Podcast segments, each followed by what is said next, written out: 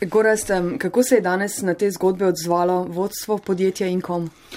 Um, v bistvu so povdarili, da imajo težave s pridobivanjem delavcev uh, tukaj v tem okolju, zato naj bi bili prisiljeni iskati delovno silo prek agencij. Uh, so pa priznali, da uh, v vrhuncu sezone delajo delavci tudi prek 300 ur.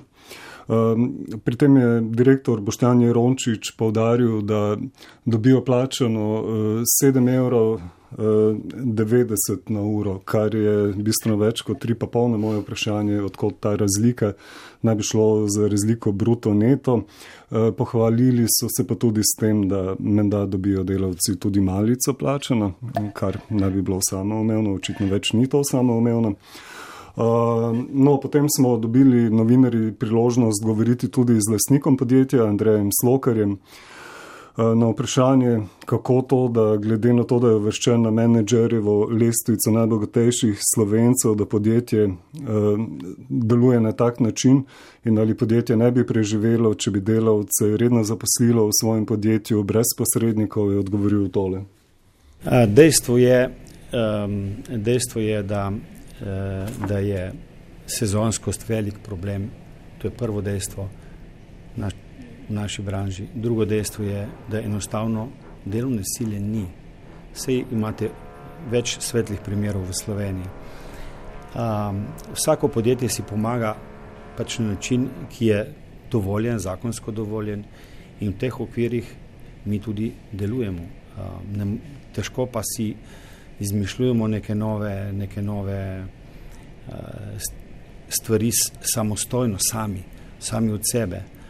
Uh, drugač, uh, jaz tukaj ne vidim, ne vidim, da bi mi kot uh, podjetje, ki tako zaposluje, izumili nek nov sistem, če, če za to ne bo nekih zakonskih ali pa branžnih uh, novih idej.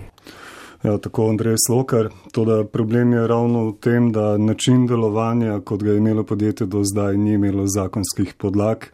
Eh, delovno silo je zagotavljalo prek bolgarskega podjetja Tihe BGR.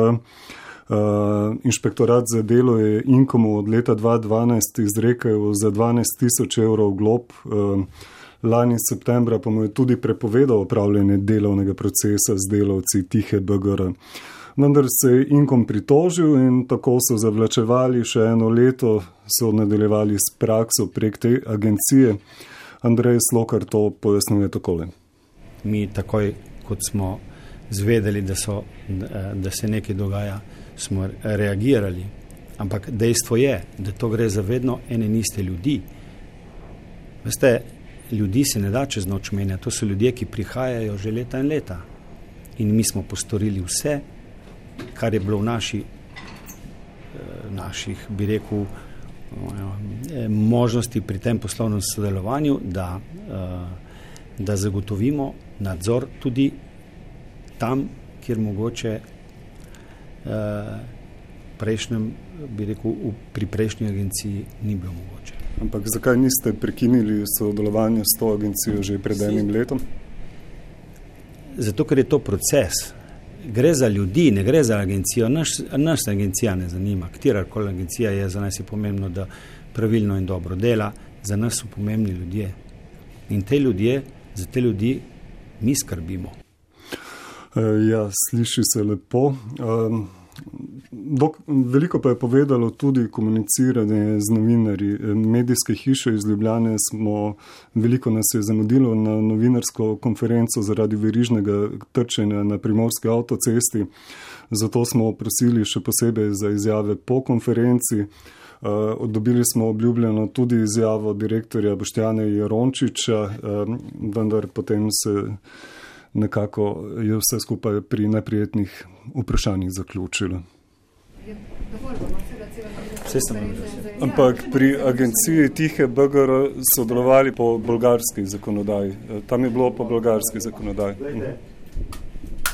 seveda je to vroča tema. Ne?